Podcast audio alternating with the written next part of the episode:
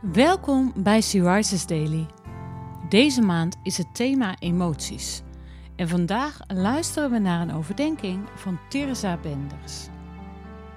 We lezen uit de Bijbel 2 Korintiërs 6, vers 10. We hebben verdriet, maar toch zijn we altijd verheugd. We zijn arm, maar toch maken we velen rijk. We bezitten niets, maar toch hebben we alles. Wat een troostvolle tekst is dit. Tegelijkertijd geeft het ons een hele mooie opdracht. Paulus wint geen doekjes om de situatie waarin de eerste christenen zich bevinden. In een tijd van vervolging en verdrukking hadden ze veel te lijden.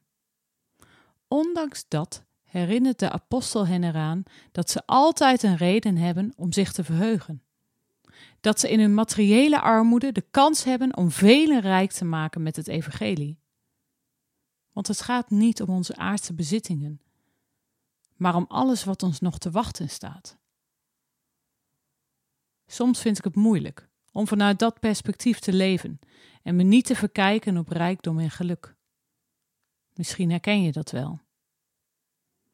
Vandaag wil ik je dan uitdagen om samen met mij gericht te blijven op wat echt belangrijk is.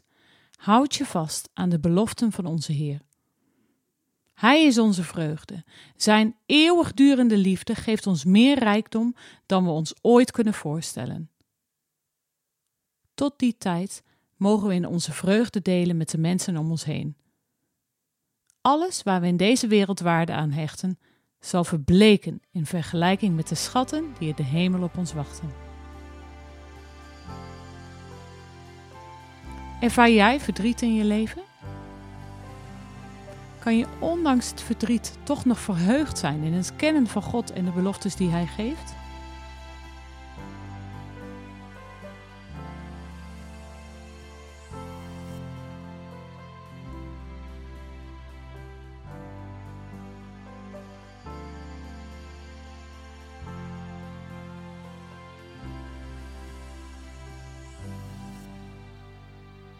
Laten we samen bidden. Vader, dank u wel voor de beloften die u mij geeft. Dank u wel voor het mooie vooruitzicht van een toekomst met u.